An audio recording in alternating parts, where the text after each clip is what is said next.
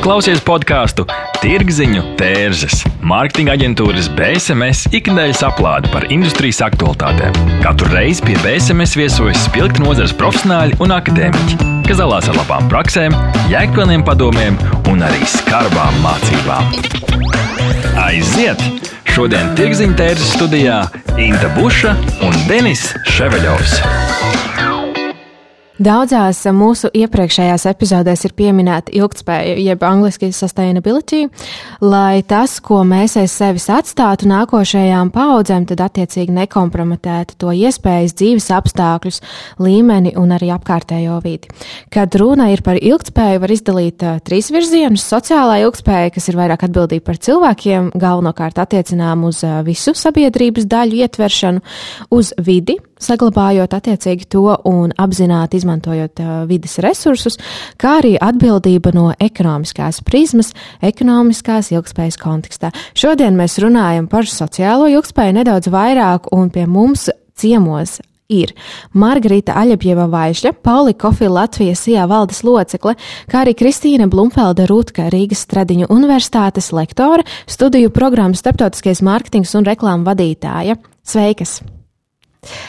Mēs mūsu ekspresā aptaujā, kur aptaujājam 25 līdz 40 gadu vecumā cilvēkus, jautājām jautājumu, vai jūsuprāt ir svarīgi, ka uzņēmums savā pamatdarbībā integrē ilgspējīgas vērtības, un 60% saka jā, noteikti, 36% drīzāk jā. Un kad mēs jautājām, vai ir svarīgi, ka uzņēmums to arī komunicē, ne tikai iekļauj savā uzņēmuma pamatdarbībā. Uh, procentuāli tā ir nedaudz mazāk, bet attiecīgi 50 saka jā noteikti un 41 drīzāk jā. Nu, es domāju, ka tā arī tam laikam vajadzētu būt, ka svarīgāk ir iekļaut vispirms uzņēmuma pamatdarbībā un, nu, pēc tam komunikācijai ir jāsako pēc tam ne otrādi. Cik jūsuprāt vispār šodien ir svarīgi runāt par ilgtspēju? Kristīna. Nu, mūsdienās, protams, zīmoli izjūta tādu spiedienu gan no sabiedrības, gan no konkurentiem, gan arī no nevalstiskajām organizācijām. Darboties tā, lai atstātu iespēju arī nākošajām paudzēm apmierināt viņu vajadzības, jo, kā nosaka apvienoto nāciju organizācijas uh, definīcija, tad uh, tā ilgspēja ir pašreizējo vajadzību apmierināšana, neapdraudot nākamo pauģu iespēju apmierināt savas vajadzības. Un, uh, principā, ja kādu laiku atpakaļ tas ilgspējas koncepts bija tāds, nu, vairāk tā kā mēs par to runājam, tad mūsdienās tas jau ir tāds ļoti svarīgs aspekts, kas ir jāintegrē uzņēmēji darbībā, tātad pašā biznesa darbībā, biznesa mērķos. Un uh, uzņēmums nevar stāstīt, ka viņš ir ilgspējīgs, nesot ilgspējīgs. Ja? Tā tad šeit tiešām ir visi tie parametri jāievēro un jābūt uh, visai darbībai uz ilgspēju vērstai. Un uh, tikai tad uh, mēs varam tālāk komunicēt šo te ilgspējas, uh, ilgspējas jautājumu arī saviem patērētājiem, kuri mūsdienās ļoti jūtīgi ir tiešām pret šiem jautājumiem un sevišķi jaunā paudze. Tieši tā kā minēts arī aptaujā, Jauniešiem šie jautājumi ir ļoti būtiski. Ja, ja tur paskatītos vēl grupā līdz 30 gadiem, tad tas varētu būt vēl lielāks tas procentuālais sadalījums. Tādēļ tas ir ļoti, ļoti svarīgs aspekts. Jā, Kristīna, tu minēji ANO definīciju. Um, Pastāst, lūdzu, Margarita, kā praksē tas notiek, kā pauligā jums izpaužas ilgtspēja? Nu, jā, es šajā jautājumā noteikti esmu tāds liels praktiķis, un uh, es uh, tiešām uzskatu, ka uh, vispirms ir jāizdara lietas, un tad ir jākomunicē par tām vai nu paralēli, nevis otrādi noteikti.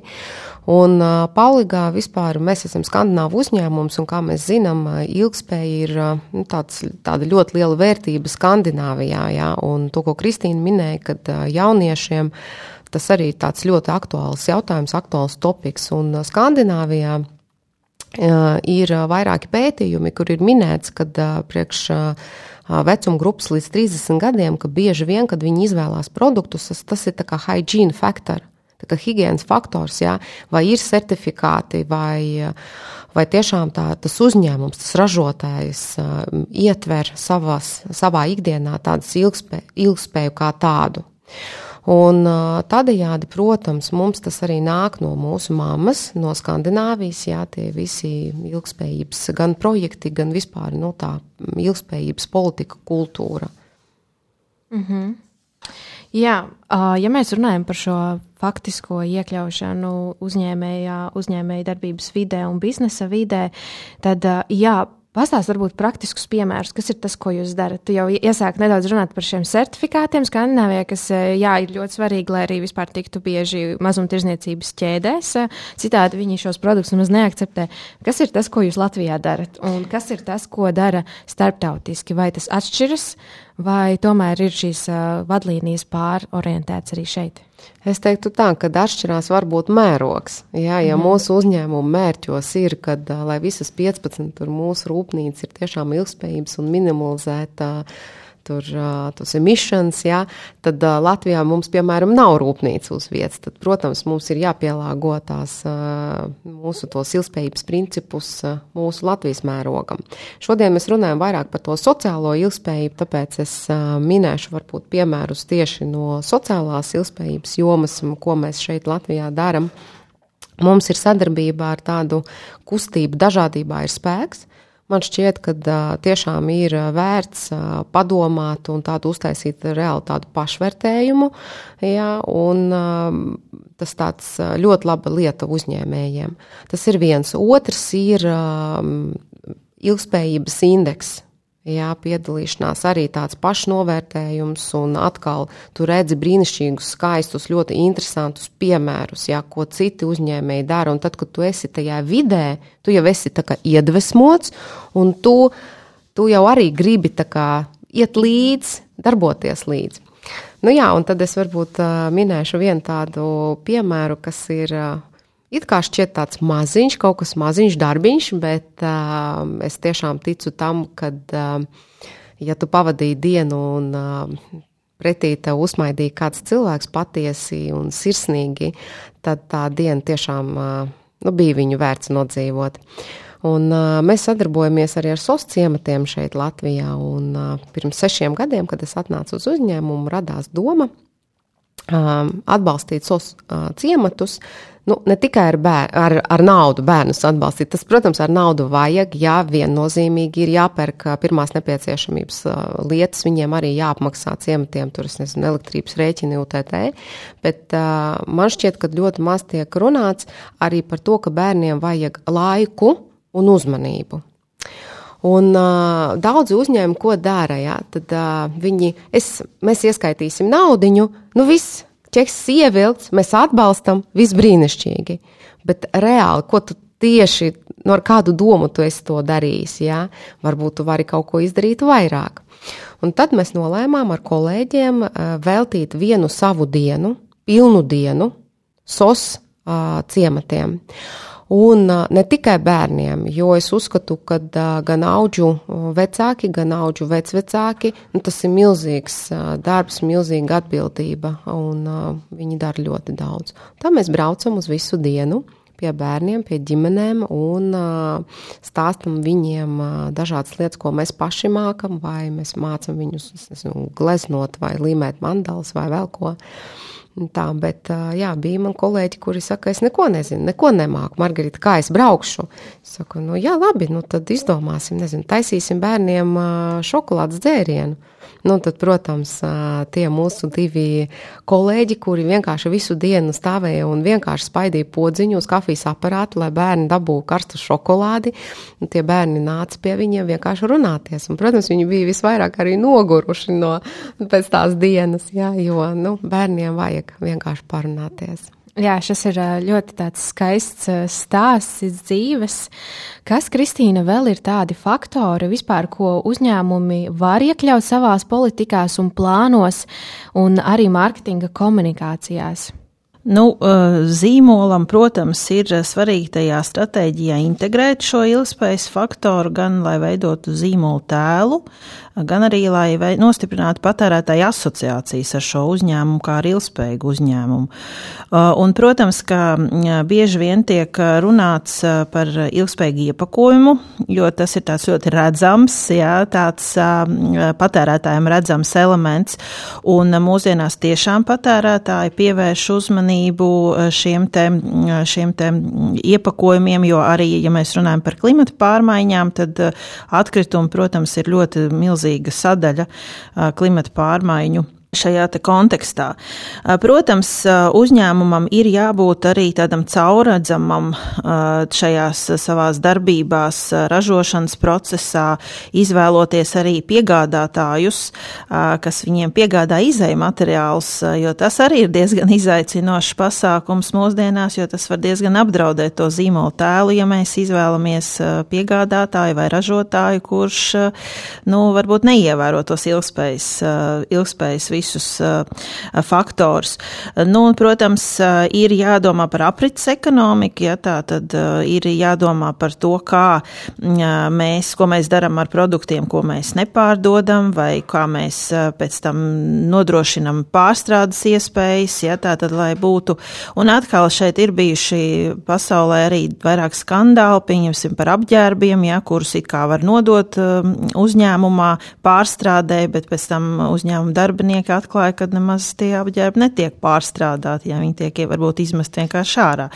Līdz ar to tātad šie caurredzamības jautājumi ir ļoti, ļoti aktuāli un šī te dalīšanās, un tas ir tāds izaicinājums, es domāju, Latvijā, jo Latvijā parasti uzņēmēji tādi diezgan aizvērti, jā, un, un nav, nav gatavi tā ļoti dalīties gan ar saviem ražošanas procesiem, jā, un tad to mārketinga komunikācijā varbūt integrējot, var ļoti daudz ko iegūt, stāstot, rādot, paskaidrojot, tas var ļoti, ļoti būt, ļoti būt tāds efektīvs līdzeklis. Un vēlreiz atgriežoties pie iepakojuma, es uzskatu, ka tas ir tiešām nenovērtēts lauks, jo mārketinga komunikācijas kontekstā uz iepakojumu mēs ļoti daudz ko varam uzlikt, ļoti daudz ko varam pateikt, un patērētājs paņemot produktu rokās tīri pēc sajūtām, jā, ieraugot šo informāciju, var arī sajusties piederīgs šim zīmolam tādā veidā veidā. Man ir jautājums gan Margaritai, gan Kristīnai. Ok, mēs saprotam, ka tā multinationāls, jeb starptautiskiem uzņēmumiem tas viss ir plus-minus sakārtots, viss nāk top-down no mātes, ir kaut kādas stratēģijas. Protams, ir arī tie certifikāti kā fair trade, bet es gribētu vairāk runāt par sociālo atbildību tiešai vietējai līmenī. Jums ir dažādi klausītāji, arī vietēju uzņēmēji un vietēji zīmoli. Kā uh, var ievest to sociālo ilgtspējību? Savā ikdienā. Jā, drīkst es uzreiz iekomentēšu. Es varu teikt tā, ka pirmais, ko jebkurš uzņēmējs var darīt, runājot par sociālo ilgspēju, ir rūpēties par saviem darbiniekiem. Jo nu, darbinieki tas ir pamats, viņi dod tev ļoti daudz. Un es atvainojos, bet darbinieki ir arī cilvēki. Jā, bet tā, tā ir. Un rūpējoties jā, par viņiem ikdienā, un nevis vienkārši labi, ok, nāc, iedod man visu, ko tu vari, un man vienalga, kas ar tevīm būs rīt parīt. Nē, mēs vairāk un vairāk sākam rūpēties arī ne tikai par to fizisko veselību. Jā, tagad Latvijā man šķiet arī tādi nelieli uzņēmumi tomēr pērk tur veselības apdrošināšanas, un tas ir ļoti labi un atbalstāms. Bet korona, tā kā laikā ja, sāk arī daudz runāt par mentālo veselību. Un tur man arī šķiet, ka tas ir ļoti svarīgs un saistīts ar sociālo ilgspējību. To es arī sapratu, ka tas ir tā primāra varbūt auditorija, bet, ja mēs runājam arī par kaut kādu sabiedrību plašākā skatījuma, kā ir tā veidi, kā uzņēmums, nezinu, mazais vai lielais vidējs, bet no Latvijas varētu to praktizēt. Kādi ir, es saprotu, ka var iesaistīts kaut kādas labdarības. Tas tiek jau sen darīts. Varbūt toreiz mēs nesaucam to par uh, sociālo ilgspējību, bet ir kaut kā, kādi ir vēl veidi. Tā ir ļoti liela dilēma, jo nu, biznesā tā tad galvenais mērķis ir peļņa. Ilgspējas galvenais mērķis ir audzēt gan vidi, gan sabiedrību, gan ekonomiku. Un te veidojās nu, tāds izaicinājums, ar ko ļoti daudz arī zinātnieki pasaulē nodarbojas, pētot šos aspektus, kā tie miedarbojās. Bet nu, jāsaka tā, ka Latvijas uzņēmumiem būtu jāsāk, protams, ar savas darbības revīziju un uh, jāiziet cauri tādām uh, pamatlietām, tātad, kas vispār mūsu nozarē ir tas ilgspējas, jo nozars ir ļoti dažādas, ja kā mēs savās nozares kontekstā varam šo ilgspēju integrēt savā ikdienas darbā, tad mēs noteikti, protams, varam iziet cauri šiem te vides, ekonomikas un sabiedrības jautājumiem. Mēs noteikti varam runāt gan ar saviem darbiniekiem un īstenībā ļoti bieži no viņiem smelties ļoti daudz labu labus padomus un iedvesmas. Mēs varam uh, mērīt un uh, monitorēt savus patērētājus, ja, tā tad saprotot, kas viņiem ir svarīgi un kas viņiem nav. Uh, un tādā veidā, tā kā analizējot to savu pašreizējo darbību, meklēt tās iespējas, kā mēs varētu šo ilgspēju attīstīt. Un ir jāsaprot, ka nākotnē uzņēmums, kas nebūs ilgspējīgs, nebūs arī konkurētspējīgs. Ja? Un, nu, īstenībā tas pat nav nākotnē, tas jau tagad ir tā. Un līdz ar to tas ir, protams, atšķirīgi dažādās nozareis, bet ir ļoti svarīgi šo ilgspējas elementu integrēšanu savā ikdienas darbībā neatlikt, ja? to darīt jau tūlīt un tagad. Jo ir, protams, daudz arī dažādas barjeras dažādiem patērētājiem, ja? gan tur cena, gan izglītība, gan motivācija, gan varbūt kaut kāda zaļmaldināšanas gadījumi, bet uh, uzņēmumam jebkurā gadījumā ir jāmācās un var jau arī mācīties no tiem pašiem starptautiskajiem uzņēmumiem, jā, un dažādas sabiedriskas aktivitātes, kas neprasa milzīgus līdzekļus, var, var veicināt, var arī piedalīties citu uzņēmumu rīkotos dažādos sabiedriski, tādos sabiedriskos pasākumos, kas ir vērsti uz tādu sociālo ilgtspēju un kas palīdz sabiedrībai. Tā kā šeit nu, tāda nebūs tāda viena formula, katram jāatrod savs, savs, eh, savs stiprais, eh, stiprā, stip, stiprā lieta, ar ko viņš var būt līderis, bet arī būt par ilgspējas līderi, tas arī ir ļoti svarīgs faktors. Ja? Un varbūt tiešām uzņēmums var izmērīt savā nozarē, kas varētu būt tas, ar ko mēs varētu izcelties tieši tajā savā, savā, savā segmentā. Mm -hmm. Jā, un tad, kad patiesībā es tā domāju par to, kādi tad ir tie rādītāji zemai sociālajai ilgspējai, um, jā, tad tie noteikti arī ir zem izglītība, jeb šis, eh, nu, tiešām arī varbūt eh, ne tikai izglītība, kā es domāju, diplomā, bet arī tāda, nu, jau sociālā izglītība, teiktu tā, un eh, arī, jā, netaisnīgums starp dažādām sabiedrības grupām, to starp mēs varam šeit runāt par neiekļaušanu dažādām sociālajām grupām un vienlīdzību. Un tad, kad es tā padomāju, es zinu uzreiz vairākus zīmolus, kas tieši starptautiskajā līmenī domā par šīm vērtībām, par to, kā uh, mēs jau, man liekas, arī iepriekšējās epizodēs esam par to runājuši, ka ir šīs modelis, kuras nav, teiksim, tas standarts, bet kuras atspoguļo dažādas sabiedrības grupas. Nesen arī bija kampaņa, kur ir cilvēks un modeli tātad kā ar autisma simptomiem. Tātad mēs varam runāt par dažādām sociālām grupām, par dažādām sabiedrības grupām. Cik Latvijā tas ir aktuāli? Jo, ja, mēs runājam par Latviju, tad pirmkārt, mēs nevienmēr pārņemam šīs globālās tendences, un otra lieta, mums ir gana konservatīva sabiedrība, ko mēs arī varam redzēt. Un tad tās vērtības kaut kur citreiz pazūd tulkojumā, un viņas vienkārši arī netiek ieviestas. Nu, es noteikti piekritīšu tam, ko tu teici tikko, jā, jo nu, par to iekļaušanu ļoti daudz runāt. Dažādībā ir spēks, jā, un uh, tad uh, tieši par to, kā iekļaut tās dažādas grupas. Es minēšu tādu vienu piemēru jā, no savas dzīves. Un, Mans bērns nodarbojas ar jāšanu sportu un diezgan jau pasen. Un mūsu stālī bija viens jātnieks, ir viens jātnieks, jā, kurš ir nu, īpašs cilvēks, nosauksim to tā. Un godīgi pateikšu, nu, bērniem varēja redzēt, ka bija grūti pieņemt un būt blakus un trenēties blakus šim cilvēkam. Un tagad es varu ar tādu lielu prieku sirdī teikt, ka šīs cilvēks tik tikko nesen mūsu paralimpiskās spēlēs ieguva Latvijai divas sudraba medaļas. Un tas ir par to, ka, un, protams, tagad visu mūsu stālis, visi tie bērni, viņi tik ļoti priecājās, jā, un viņi ir pārlaimīgi.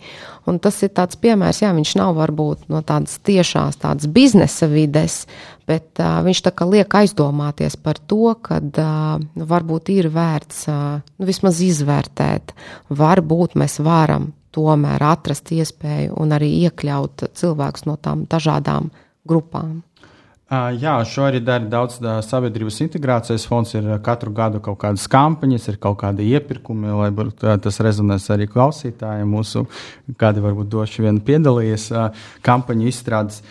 Bet man ir tāds jautājums, okay, kad tev mārketings saka tur, īpašniekam vai izpildu direktoram, ka mums jābūt ilgspējīgākiem, un, un tad kā pārliecināt, protams, ka tas ir bizness tur ir kaut kādas savas izmaksas. Kā, vai tas ilgspēja vispār atnesīs kaut ko izņemot imidžu un cik ātri? Margarita, kāda jums ir pieredze un kādas ieteikumus uh, tu dotu varbūt mārketinga komandām, kuri mēģina pārliecināt? Vadītājs, Jā. es, es teiktu tā, atrast vispirms tā ar viltību, atrast kaut kādus interesantus projektus, kur uh, nav jāmaksā vai gandrīz nav jāmaksā. Nu, piemēram, ēnu dienas. Tas jau gandrīz nekas neko nemaksā, vai ne? Un tad tā lēnītēm, lēnītēm, varbūt tā ir mana tāda, zin, kā sieviešu tā viltība, jā, pierunāt. Bet vai tas tiešām cik ātri biznesā mēs redzēsim to mūsu kā ciparos un finanšu rezultātos, es godīgi pateikšu, es nezinu. Un man šķiet, viss ir tik ļoti atkarīgs no konkrētās situācijas, no konkrētā produkta, un jo, jo ļoti daudz kas atkarīgs no tā, tavas tās mērķa auditorijas. Jā, jo, kā mēs runājām, ir mērķa autorijas, kuras ir tā vairāk tādas tā sensitīvās pret šo jautājumu, un ir kas ir mazāks. Jā, man par to tavu stāstu un stāli un šo paralimpiskajām spēlēm. Man liekas, ka bieži, kad mēs runājam par problēmām, ja mums ir tā, tā kā, tāds viedoklis, ka, nu, ja es viņu neredzu ikdienā, ja es ar viņu nesaskaros, uh -huh. tad mhm. viņa neeksistē. Un tas ir arī viens no tiem klupšanas akmeņiem, kad uh, ir runa par uh, vidi un, un šo ilgspēju šād, šādā kontekstā, jo globālajā kontekstā, jo ko tad mēs mazā Latvija un no sērijas un tā tālāk. Bet kādi vēl ir tie šķēršļi un faktori, kas tomēr apgrūtina gan ilgspējas ieviešanu uzņēmēju darbībā, arī sabiedrībā, un arī izpratni par to, varbūt, cik tā ir nozīmīga. Kristīna, kā tu teiktu? Nu, tas jau ir tas, ko es teicu. Tā milzīgā ētiskā dilēma jā, starp peļņu un ilgtspēju. Ja? Nu, tas ir tas uh, galvenais jautājums. Un, uh, protams, ka mūsdienās uh, tas ekonomiskais faktors, ja? nu, tas nosaka visu. Ja? Nu, ekonomiskais faktors, un to arī pierāda pētījumi, ka valstīs, kur labklājības līmenis ir augstāks, tur, protams, visi šie jautājumi ir daudz aktuālāki un Jā. daudz patērētāji daudz izjustāk reaģē. Bet Latvija atkal, nu, atkarīgs eh, tieši to, ko jau Margarita teica arī par šiem segmentiem, eh, bet eh, ko mēs varam darīt, mēs jau vienmēr nonākam pie cilvēkiem, pie konkrētiem cilvēkiem, kas pieņem lēmumus. Un te bija arī tas, kā mēs varam pārliecināt, piemēram, vadītāju, kurš, nu, kurš savā uzņēmumā neredz vajadzību integrēt šo te ilgspēju Nu, grūti pat teikt. Nu, viens, viens ieteikums mārketinga speciālistam varbūt būtu nomainīt darbu vietu. Otrs, nu, protams, atkal pārliecināt ar tiem ieguvumiem ilgtermiņā, jā, gan ar zīmolu tēlu, gan ar patērētāju lojalitāti un tā tālāk.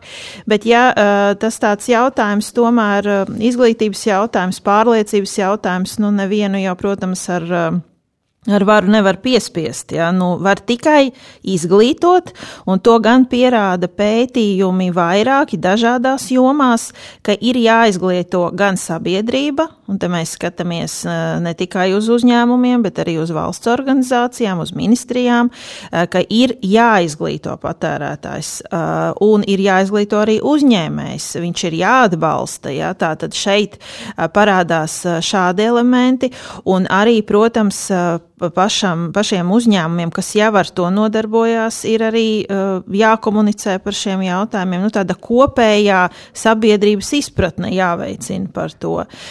Bet, starp citu, mēs jau runājām par bērniem, jā, par, par šo piemēru par staļiem. Bērni ir ļoti atsaucīgi un bērni ir ļoti laba auditorija, kura ļoti ir atvērta visiem šiem jautājumiem. Jā, un bērnu auditorija ir tā, ar kuru tiešām var ar, par šiem jautājumiem runāt. Jauniešu auditorijas, kas nākotnē būs patērētāji, jā, viņi varbūt nebūs patērētāji rīt, bet viņi iespējams būs patērētāji pēc diviem gadiem vai trīs gadiem, jo tas um, pirkšanas um, spēks ir aug jauniešiem, viņi pabeidz studijas, piemēram, sāk strādāt, viņiem jau tas pirkšanas spēks pieaug, un tad viņi savas izvēles izdara pamatojoties uz tām iegūto, iegūto informāciju, ko viņi ir ieguvuši. Tā kā nu šeit nav tādas vienas atbildes, tas ir jautājums tāds komplekss, bet ja uzņēmuma vadītāji un īpašnieki negrib integrēt ilgspēju, tad diez vai mārketinga speciālists spēs viņus pārliecināt. okay, mēs esam iezīmējuši dažus šķēršļus un barjeras, un kā ar tiem tikt veiksmīgi galā. Konkrētam piemēram mēs uzzināsim pēc nelielas pauzes. Neatbildami jautājumi, sarežģīti lēmumi. Sazinies ar Norstat. Mēs palīdzēsim. Norstat tas ir draudzīgs servis, innovatīvi risinājumi un kvalitatīvi dati, lai tu varētu pieņemt veiksmīgus, datos balstītus lēmumus. Pievienojies vairāk nekā simts Latvijas uzņēmumiem, kas uzticas vadošajam datu risinājumu nodrošinātājam Ziemeļeiropā. Mūsu mērķis ir atvieglot tavu dzīvi un ļaut pieņemt pareizus lēmumus. Norstat - vērtīgi dati svarīgiem lēmumiem. www.norstat LV Ok, mēs esam atpakaļ, un tagad mēs runāsim, kā tikt uh, galā ar dažādiem barjerām un šķērsliem, saprotam, ka ir svarīgi tomēr, lai ilgspējība kā vērtība tiktu internalizēta ne tikai mārketinga nodaļa, bet arī citas nodaļas, un pats galvenais varbūt arī biznesa, pats galvenais, lai. Un pats galvenais arī kā biznesa īpašnieku un vadītāja pusē vai ir kaut kādi konkrēti jau zināmi uh, rīki, kas kā ar to strādāt? Nu, ja mēs runājam par to cenu kā par barjeru, tad, protams, mēs varam patērētājiem pastāstīt, kāpēc viņam ir jāmaksā vairāk. Uh, un šeit uh, var būt gan sociāls uh, ieguvums, ja pieņemsim līdzekļu kaut kāda ziedošana, vai tas var būt tiešām kaut kāda atbalsta programma.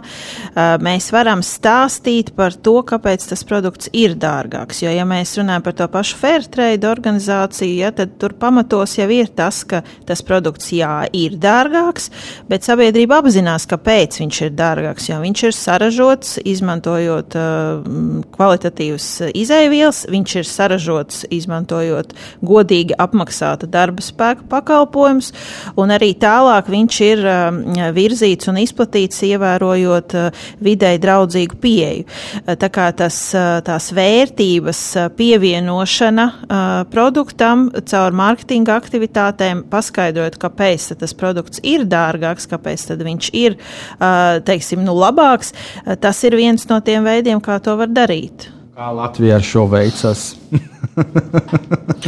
Nu, te atkal ir ļoti dažādi tie piemēri. Ir, protams, ir piemēri, kur vienkārši tiek uzlikta uzlīme, ka mēs ziedosim, un nu, bieži vien tur arī tiek noziedots, un tas arī ir viss, bet ir jau arī, protams, piemēri, kur ir situācija, kad ir arī pēc tam kaut kāda reāla, nu, reāla darbība, reāls, reāls labums. Tā kā, nu, kā kopumā Latvijā veicās, tas tāds sarežģīts. Latvijas tirgojā mums ir gan vietējie, gan ārvalstu uzņēmumi.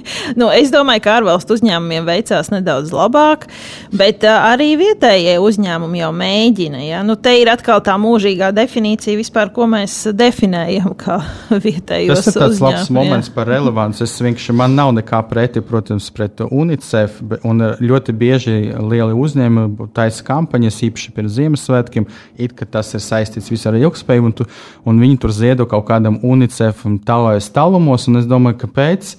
nav veikta sadarbības lokālajā līmenī, jo tā man kā patērētājiem tas vairāk, vairāk uzrunātu, ja būtu sadarbība ar tādam pašam organizācijām vai grupām, kuriem viņi mēģina palīdzēt. Šeit pat mums nezinu, Rīgas rajonu.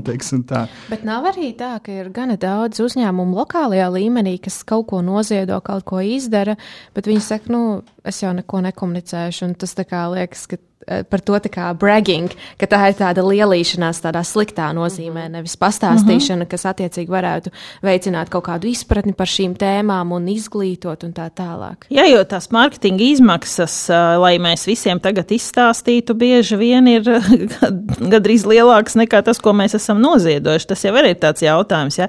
Protams, tagad eh, ļoti atvieglo šo situāciju, pieņemsim, tie paši sociālie tīkli, ja, kur šo informāciju var izplatīt netik ļoti dārgi kā veicot kaut kādu ļoti lielu mārketinga kampaņu. Uh, bet, nu, uzņēmumiem ir tāds, uh, nu, te atkal jautājums, vai tā ir tāda Latvijā tāds kautrīgums, jā, uh, kas, kas liedz, jo tiešām, nu, uz tā paša iepakojumu uzliekot uzlīm, ka mums, ja kur bija tāda forša akcija, mēs palīdzējām konkrētai tur, pieņemsim, veco ļaužu pansionātam vai, vai suņu patversmē vai vēl kādai. kādai. Bet atkal, ja mēs skatāmies jau tā plašāk, tā uzlīme, tas ir papildus kaut kāds resurs, tas tiek ražots, pēc tam tas tiek izmests.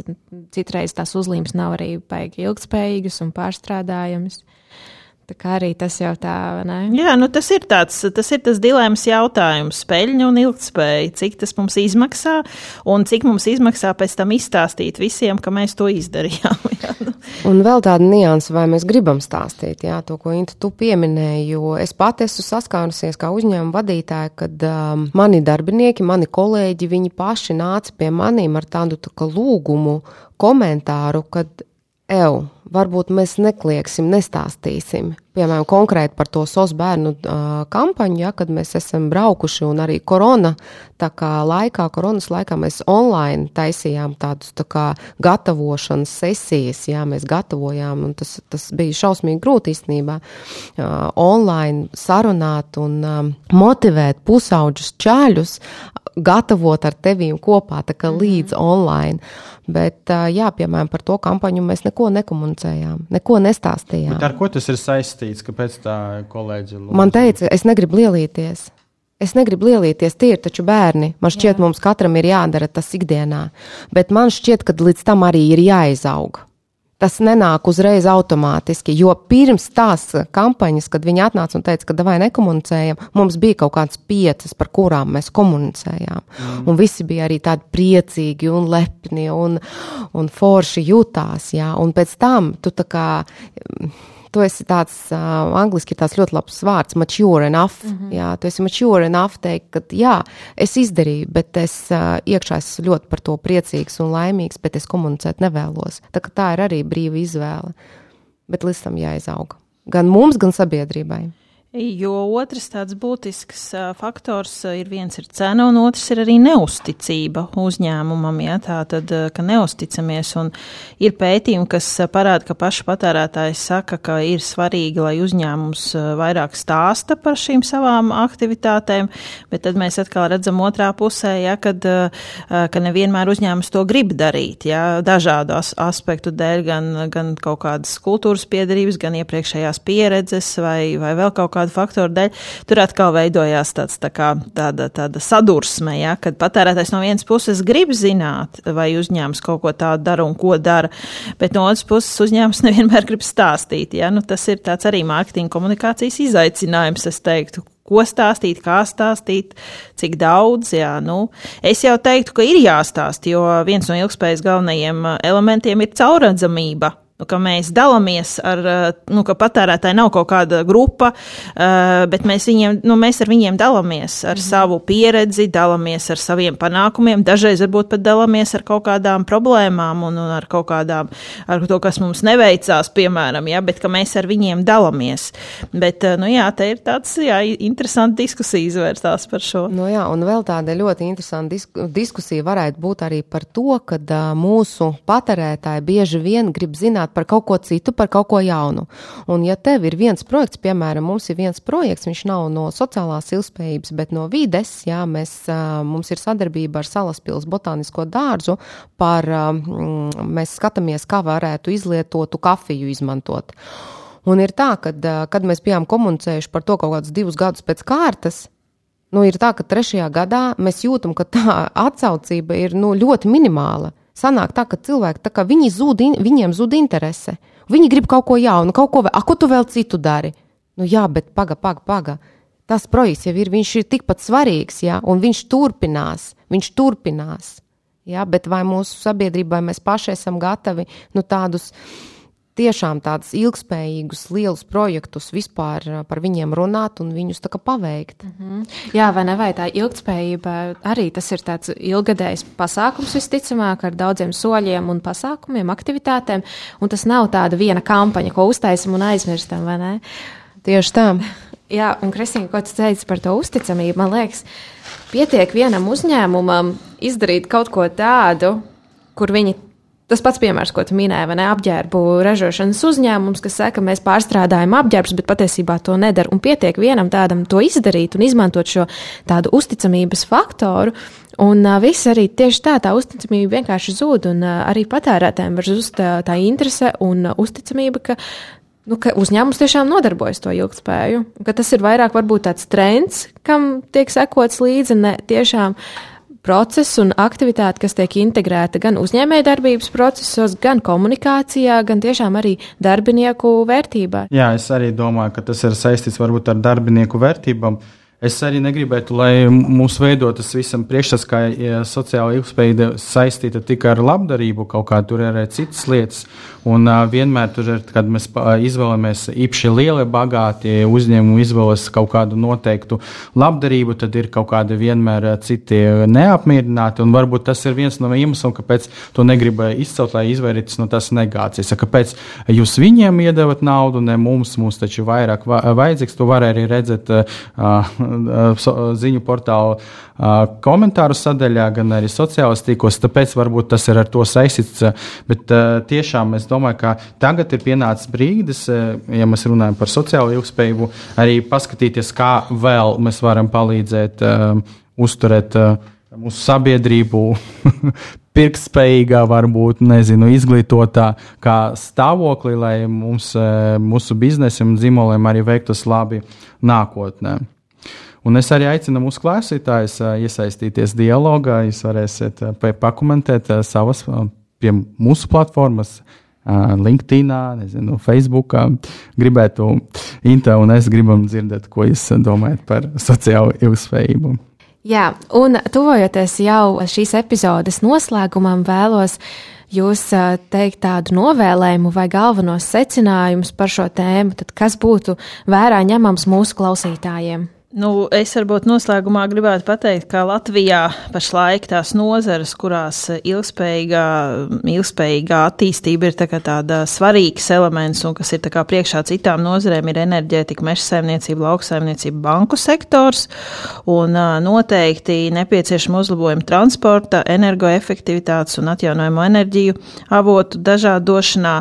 Un tas, kas ir viens no būtiskākajiem faktoriem, ko saka gan pat patērētāji, gan ko saka mm, uzņēmēji, ir jāinformē un jāizglīto. Ja? Tas ir tāds galvenais stūrakmens, jo ja nav izpratnes par ilgtspēju, ja nav izpratnes par šiem elementiem, ja nav šīs kopējās sajūtas, ka tas mums visiem ir svarīgi, nu tad, diemžēl, mēs nevaram cerēt uz, uz kaut kādu patērētāju reakciju. Ja? Tā, kā, tā izglītošana dažādos līmeņos, un te es arī aicinu aicinātu uzņēmējus būt aktīviem un arī iesaistīties šajā izglītošanas funkcijā, ja, izmantot savus resursus un izglītot patērētājus. Tā kā tas varētu būt tāds novēlējums.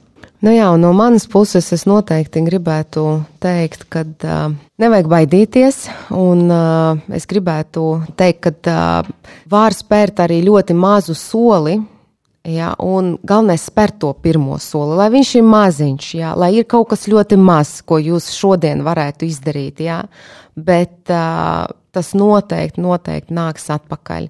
Vai pēc tam tie soļi būs lielāki un nozīmīgāki, es nezinu, bet vai viņiem arī obligāti jābūt tādiem ļoti lieliem.